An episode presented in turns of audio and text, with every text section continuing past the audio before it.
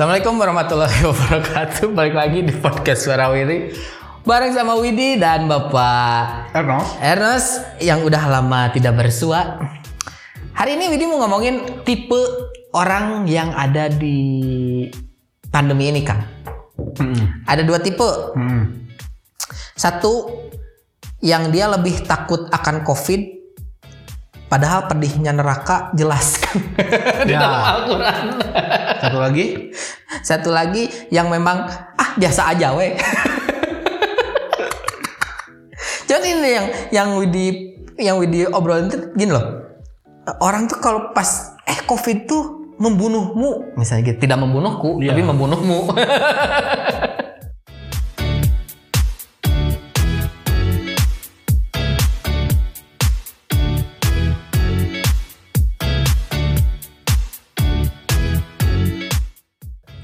Covid itu membunuhmu gara-gara nanti kalau kamu misalnya kena virus Covid kamu nanti nggak bisa nafas, badan lemas-lemas misalnya gitu kan, terus ya harus eh, pakai oksigen dan lain-lain. Tapi di saat Allah Subhanahu Wa Taala ngasih tahu nih pedihnya neraka, nanti kamu di neraka itu eh, mak- apa minumnya itu nanah yang mendidih, gitu kan? Terus misalnya eh, pedihnya neraka paling level paling rendah aja pakai terompah terus ubun-ubunnya mendidih misalnya gitu kan biasa aja Pak. kalau kamu nanti makan riba eh, pagi dan petangnya diinjakin sama prajuritnya Fir'aun perutnya misalnya gitu biasa aja pak Karena kan nanti. Coba besok gitu. Itu nggak tahu kenapa di saat jadi ada postingan orang nih eta cina orang-orang tuh ya cina kalau misalnya ngomongin covid ketakutannya gimana? Tapi pas Allah bilang nanti kalau kamu melakukan ini nanti kamu pedihnya di neraka kayak gini abadi loh. Di neraka tuh kan ya maksudnya di saat nanti akhirat mah kan abadi semuanya Kang. Iya. kalau kata Ustadz dari Sulaiman mah dunia sementara akhirat selamanya gitu. Jadi kalau misalnya kalau misalnya memang kamu di neraka ya abadi di neraka. Kalau misalnya kamu masuk surga ya abadi di surga gitu pak. Jadi kadang apakah ya ini apakah gitu. Kita balik lagi ke muslim aja ya ini kita kan ngomonginnya lebih ke arah ranahnya ranah muslim lah. Di saat memang Allah Subhanahu Wa Taala nunjukin bahwa mana yang muntah sholat kieu loh mana yang muntah puasa kieu loh mana yang ngelakukan riba? Diperangi loh gitu kan. Tapi kan biasa aja. Toh saya masih kena bisa beli mobil saya masih bisa punya rumah gitu. Kenapa orang-orang tuh masih tek em, apa ya disebutnya kalau kata Widi sih sombong gitu kan maksudnya ya itu sebenarnya kan kebenaran tapi dia acuh aja gitu. Ah bahaya lah nah maksudnya sudut pandang Kang Rizka sama statement tadi lah gitu maksudnya Karena kan Allah tuh punya sifat Ar-Rahim nih. Jadi Ar-Rahman sama Ar-Rahim kan. Allah mah kayak yang- ke yang sombong juga masih gitu. Bener kan? Ya. Nutara sholat masih ada rezekinya. iya benar benar Sebenarnya mah, ya itu salah satu faktornya dia nggak akan sholat, dia riba, dia mak, dia judi, dan tetap rezekinya mah ada gitu. ya. iya benar Sebenarnya yang balik lagi mah yang salahnya mah orangnya gitu. Kan sebenarnya Allah mah nggak butuh sama nggak butuh sama ibadah kita mah kan. sebenarnya. Cuma kan ibadah kita kan rasa syukur kita gitu maksudnya. Makanya harus tanya lagi ke orangnya sebenarnya. Kamu benar-benar balik lagi. Apakah kamu beragama? oh iya benar Apakah kamu meyakini adanya Allah? Eh, eh. adanya malaikat harus balik lagi ditanya ke situ sih. Iya, Soalnya kalau nanya, karena sok kalau mohon maaf ya, orang kafir aja masih dikasih rezeki. Orang kafir itu paling benghar-benghar di tanah orang ini ya Bener kan? Imahna tuh setengah hektar ya bahkan. Ya, itu ke orang kafir. Allah masih ngasih rezeki. Eh, eh. Nah orang Islam tuh diberi rezeki. Eh bahaya orang Islam mah tuh dagingnya abu surga orang kafir. Iya. iya benar Jadi kita tuh harus berpikir ya mungkin orang ada orang yang berpikir kayak gitu ya harus dibaik lagi ditanya lagi kamu percaya nggak dan kalau tadi ditanya tentang lebih takut sama covid dibanding takut sama Allah karena memang balasan covid mah langsung. Oh iya. Bapak tahu yang menghirup saya nggak percaya covid. Oh, coba, iya. coba tiup saya besoknya meninggal. Itu langsung kejadian coba kalau ada yang misalnya ini misal langsung kan kalau orang yakin zaman sekarang mah nggak kayak zaman dulu. Maksudnya zaman dulu mah, ya Allah pengen kaya mungkin bisa. Ya, Mhm. Kan sekarang mungkin. Ya Allah kalau saya bohong tersambar itu kan jarang ya. Iya, iya, iya. Tapi mungkin kalau dulu gitu kan Eh. orangnya soleh-soleh kayak dulu mindahin istana Ratu Bilqis tuh. Heeh, kan heeh. tidak sekedip mata udah. Ya.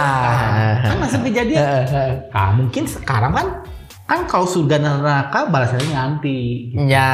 Itu sih satu yang tadi ya terus juga itu karena Allah kan sifatnya orang sama orang orang yang tidak beriman aja rezekinya masih ada Mhm. dan mungkin itu yang mereka nggak sadar Iya, iya. kan orang sih mikirnya kadinya naon deui Karena rahmat Allah lebih luas daripada murkanya. Iya. rek sombong rek sok jina sok rek jina masih ada rezekian sih boga duit yang jina deh Hanya bener.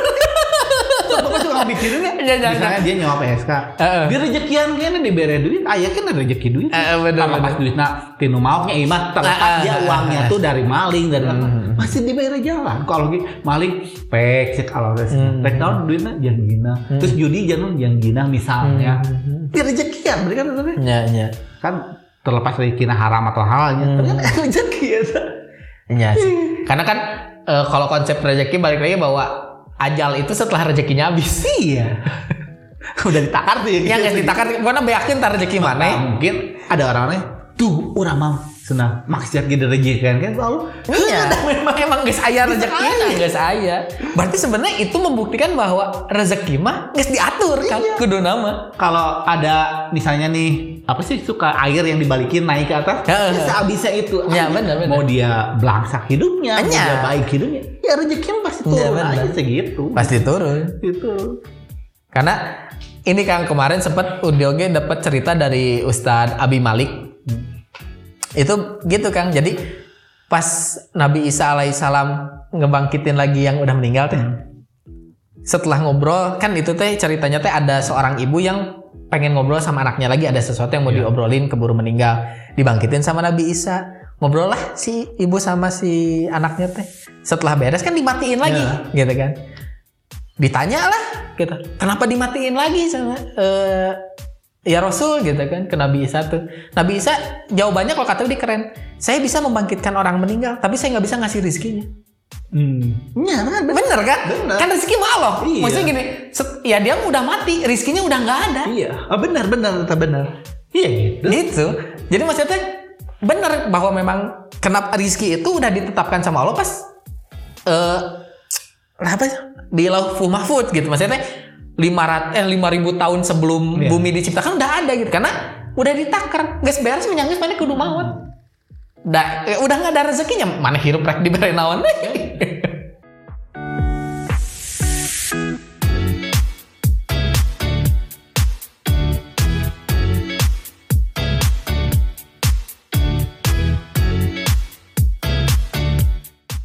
kalaupun hidup lagi dia nggak bisa dapat misalnya nih kurang diberi mun Allah pengizinan iya. kurang diberi dahar cek kalau tadi Teu bisa, teu bisa. Kan makan tuh rezeki kan? Eh, nafas aja rezeki. Nggak bisa aja tidak bisa bernafas.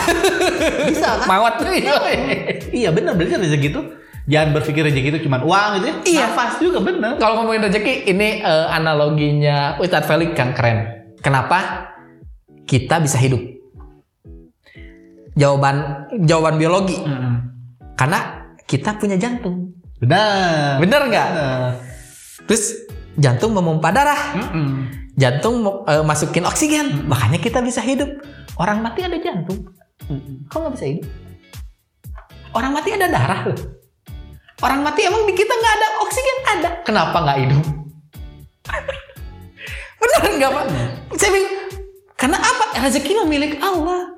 Walaupun dia punya jantung, walaupun dia punya darah, walaupun di sisinya ada oksigen, kalau kata Allah nggak ada rezekinya mah mati. Bener nggak? Kan kadang kita mikir bahwa kenapa kita hidup? Ya kita ada oksigen, kita ada darah, kita ada jantung. Wajar dong kita hidup. Mayat. ada jantung ada, gitu. darah juga ada, oksigen ada, tapi nggak bisa hidup. Itulah rezeki. Maksudnya tuh ya nggak mungkin kalau misalnya Allah nggak ngasih Ya. rezeki gitu. Iya makanya ya itu karena mereka berpikirnya ah da orang ya itu Allah karena punya ya ke yang sombong aja gitu Iya, gitu. Maksudnya- makanya. makanya ya, ya sok we gitu kan maksudnya itu mah udah, udah kan dia Allah sudah menciptakan jelema eta teh rezeki sakitu gitu. Iya. Pasti dapat aja meskipun dia tidak beriman ya gitu. Iya benar. Meskipun dia tidak beriman, ya lancar-lancar aja rezekinya. Hmm. Karena kan pada saat kita ditiupkan lu kalau salah, kamu umurnya sekian, rezekinya sekian, jodohnya sekian udah Iya. Deal misalnya, deal, Heeh. deal ya sok silakan hidup. Gitu kan kalau nggak Iya. kan nggak akan di, ditiupin. Iya, kan? benar. Ya, berarti kan ya udah gitu. Iya, iya makanya gitu. eh, bukannya kita, ya masih gini. Kan kalau ngomongin tentang takdir mah oke lah. Tapi kan memang harus ada ikhtiar juga. Ya, Iya makanya kenapa sih orang-orang tuh eh, wajar kita takut akan sesuatu hal. Ya kita takut Iya. sama COVID wajar kalau kata Widi mah. Karena kan aduh takut saya nanti ngerepotin, Eh, takut saya meninggal. Ya is oke lah, Pak. Tapi kan kita juga mikir bahwa mati itu nggak harus sama COVID loh, Pak. Gitu Iya. maksudnya itu. Jadi malahan harus lebih takut kehidupan setelah nanti kita mati loh, Pak. Padahal yang mati karena covid harusnya bangga ya. Bangga. Karena wabah Mana wabah? udah otomatis masuk surga. Masuk surga itu. Kan kalau mati karena wabah gitu ya. Iya. Di itunya juga. Di- Karena kan eh, kayak syahid. iya sahid. Masuknya gitu kan. syahid. Masuknya sahid. Wah, Jihad. Indonesia udah berapa? Udah Oh, 70 Masya Allah sekali. Ada yang masuk surga langsung cuma langsung 70 ribu pak. Oh udah ya, slotnya udah habis ya. Udah penuh berarti aduh kita lewat jalan mana? itu tuh yang langsung gitu Pak, tanpa Iya, dihisap apa ada. kan ada 70 ribu orang kan. Ini sih ada 70 ribu loh yang yang sahid belum sahid-sahid sebelumnya. Eh makanya. Iya. Iya maksudnya ke yang bukannya apa apa sih kita cuman maksudnya gini ya kita tetap em, pro- prokes harus tetap Iya. diketatkan cuman maksudnya jangan terlalu panik jadi Iya. Abai juga salah. Abai salah gitu. Benar. karena kan kita balik lagi ke hadis Nabi Muhammad SAW pas ada sahabat yang Bawa unta. bawa unta Ah. gitu. Taliin dulu baru tawakal gitu. Kalau nggak ditali, tuh. ya salah salah. tapi kalau memang udah ditali, udah diikhtiari hilang. hilang, ya memang iya. takdirnya hilang. takdirnya hilang. Kan Berarti kayak itu gitu. yang terbaik ya. Kalau nggak hilang bisa aja. Si unta itu tuh membawa bencana buat nah kayak gitu lebih baik hilang. iya makanya Iya gitu. makanya Widi eh, berpikir bahwa eh, corona mah nggak usah ya maksudnya kitanya eh, prokes pastilah diketatin gitu kan maksudnya teh, eh, ada orang-orang pintar yang ngasih tahu bahwa ya kita harus Iya, social distancing, physical distancing, Memang kita itu keahlian mereka kan. kalian mereka gitu. Ya kita nurutin aja nggak masalah. Cuman kita juga jangan terlalu panik yang seakan-akan bahwa ketemu orang aja anjir ini virus.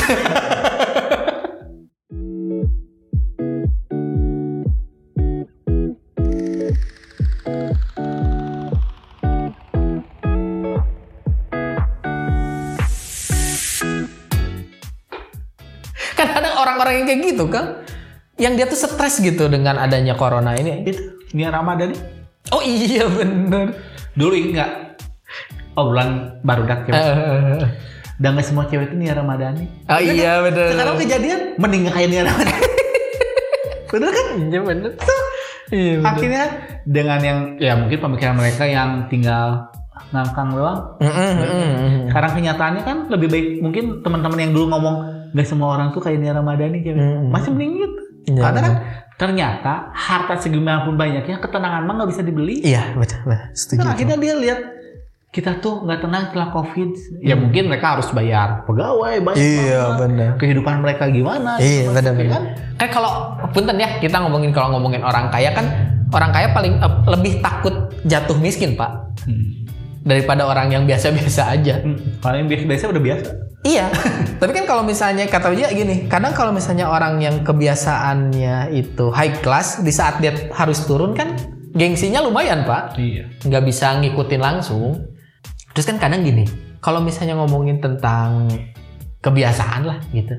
Ya kan kalau misalnya kebiasaannya kita udah, oh saya biasa makan daging, tiba-tiba dia harus makan tahu tempe kan meren, wah Enggak. beda gitu. Harus bertahap sih pak.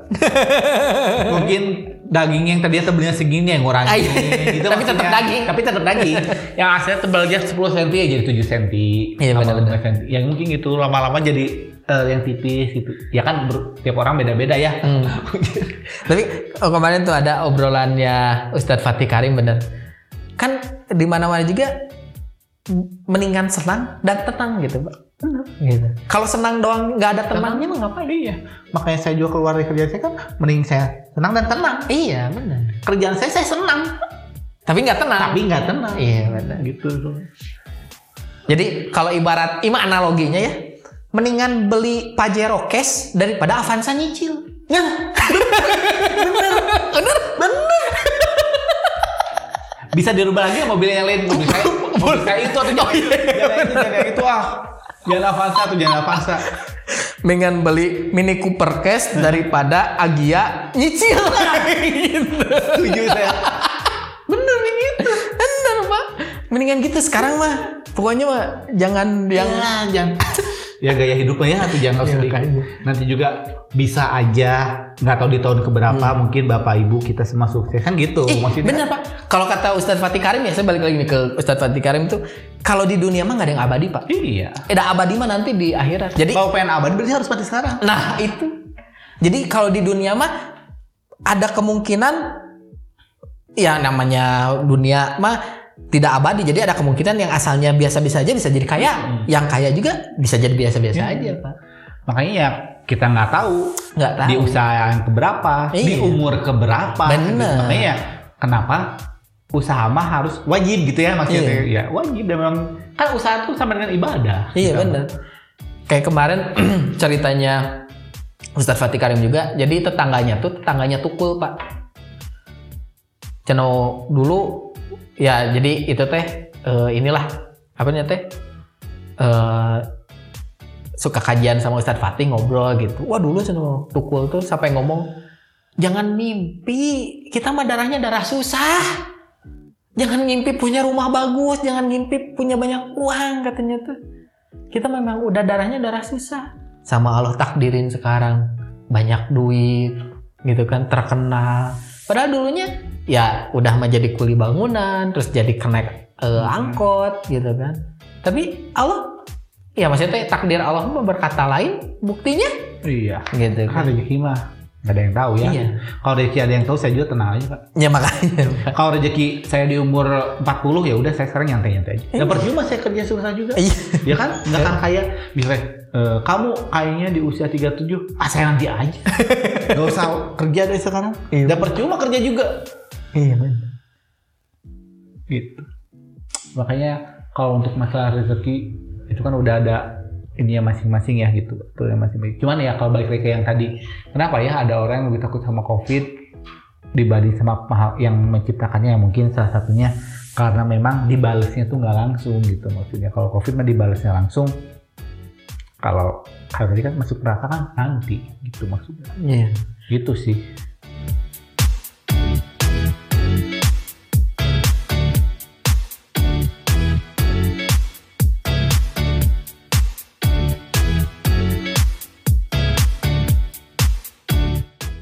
tapi kan Pak ya saya nanya ke Bapak Bapak takut kan Pak apa Enggak gini, Bapak kan eh, secara tidak langsung kan Bapak tuh percaya yang ada di Quran gitu loh Pak. iya Bener nggak?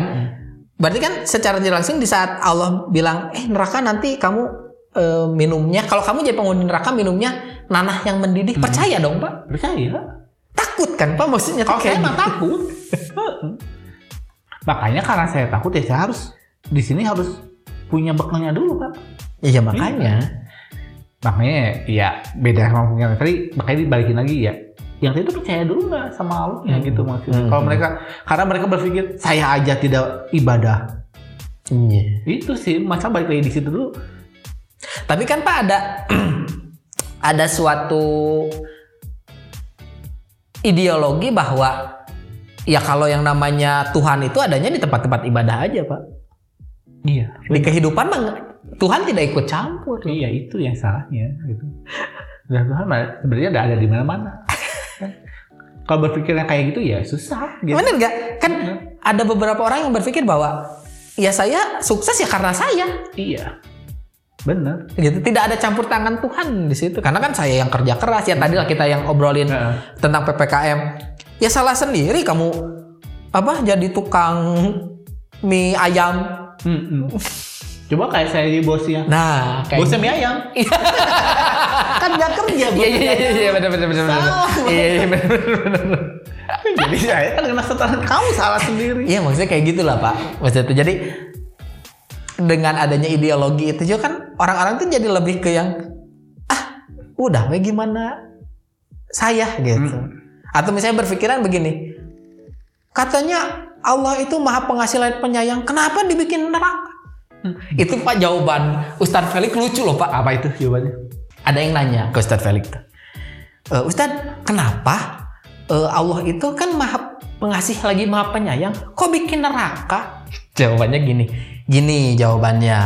E, kamu tahu nggak e, hadisnya Nabi Muhammad SAW yang bilang bahwa semua umatku itu pasti masuk surga kecuali yang nggak mau. Hmm. Terus ditanya apa ada yang nanya lagi sahabat, "Eh, ya Rasul, kok ada yang nggak mau masuk surga gitu kan? Ada yang memang dia nggak mau nurutin apa yang kata saya. Nah, jadi Allah itu bikin surga itu untuk orang-orang yang mau masuk surga. Kan kasihan nih orang-orang yang nggak mau masuk surga dibikin neraka. Analogi paling gampang tuh gitu. kan nggak salah ya? Daripada luntang lantung. Betul. Daripada kalau dulu mah nggak punya fraksi film apa yang nggak punya? Divergent itu nggak punya fraksi. Nggak ada fraksi. Mending ada fraksinya. Eh, makanya dibikin neraka. Nah ini nih yang nggak mau ke yang nggak mau ke surga, masuknya ke neraka. Dan cuma ada dua. Cuma ada Mau masuk surga apa dua bener? Iya, kan bumi udah nggak ada nih, Iya. gitu kan? Bener. Itu jawaban paling simpel. gitu. Dan enak ngejelasinnya. Iya bener. Karena kan emang ada orang-orang yang nggak mau masuk surga. Masa sok mau disimpan di mana sama Allah teh? Aduh, kayak cina. Kamana ya baru rakyat disimpan di mana? Makanya dibikin neraka untuk orang-orang yang nggak mau masuk surga. Bener, memang ada orang-orang yang nggak mau masuk surga Iya. kan? Kan ada syaratnya kan masuk surga. Ada syaratnya dong. Kamu aja pengen masuk UI ada syaratnya? Iya bener. Terus kan tidak ada yang namanya makan siang gratis pak. Iya. Bener nggak? Kudu bayar. Perlu bayar. Ya dibayar kita dengan ya kita sekarang ibadahnya mau. Iya benar gitu. Nah sebenarnya ya Allah juga nggak butuh ibadah kita ya Iya. sebenarnya mah ya. Paling Dah, kalau kita masuk karena ibadah nggak akan mu- mungkin masuk karena ibadah kita kan kita juga. eh bah- bahkan kalau kata Ustadz Felix gini Jana, kalau misalnya nanti Allah itu perhitungannya adil, nggak akan ada yang masuk surga. Iya. Semuanya benar. Cek Allah teh sholat wae cenah mikirkeun batur. Sholat wae. Susuhan eta jualan aing. ya kumaha? Anjir perol. Anjir ini jam 12. Tapi perol kan beres anjir ada kumanya. Iya makanya. Berarti kan itu mah ya itu mah ridho Allah lah yang mengantarkan kita ke surga. nanti kita masuk surga teh karena Allah ridho kita masuk surga bukan karena amal kita. Iya, itu mah kalau kata Uji, kenapa sih harus ibadah mah lebih ke ya memang itu cara kita membedakan bahwa itu holy, ya kita mah hamba gitu. Sebagai hamba maka harus ibadah. Hamba mah harus Harus menyembah lah harus ya. menyembah. Harus menyembah. Makanya orang-orang yang tidak beribadah ya seakan-akan kayak Tuhan kan gitu diibaratinnya gitu. Kenapa kamu nggak sholat? Ya seakan-akan kamu sombong aja gitu kan kalau misalnya secara bahasa Qurannya kan gitu. Makanya kita apa wujud penghambaan teh ya ibadah gitu.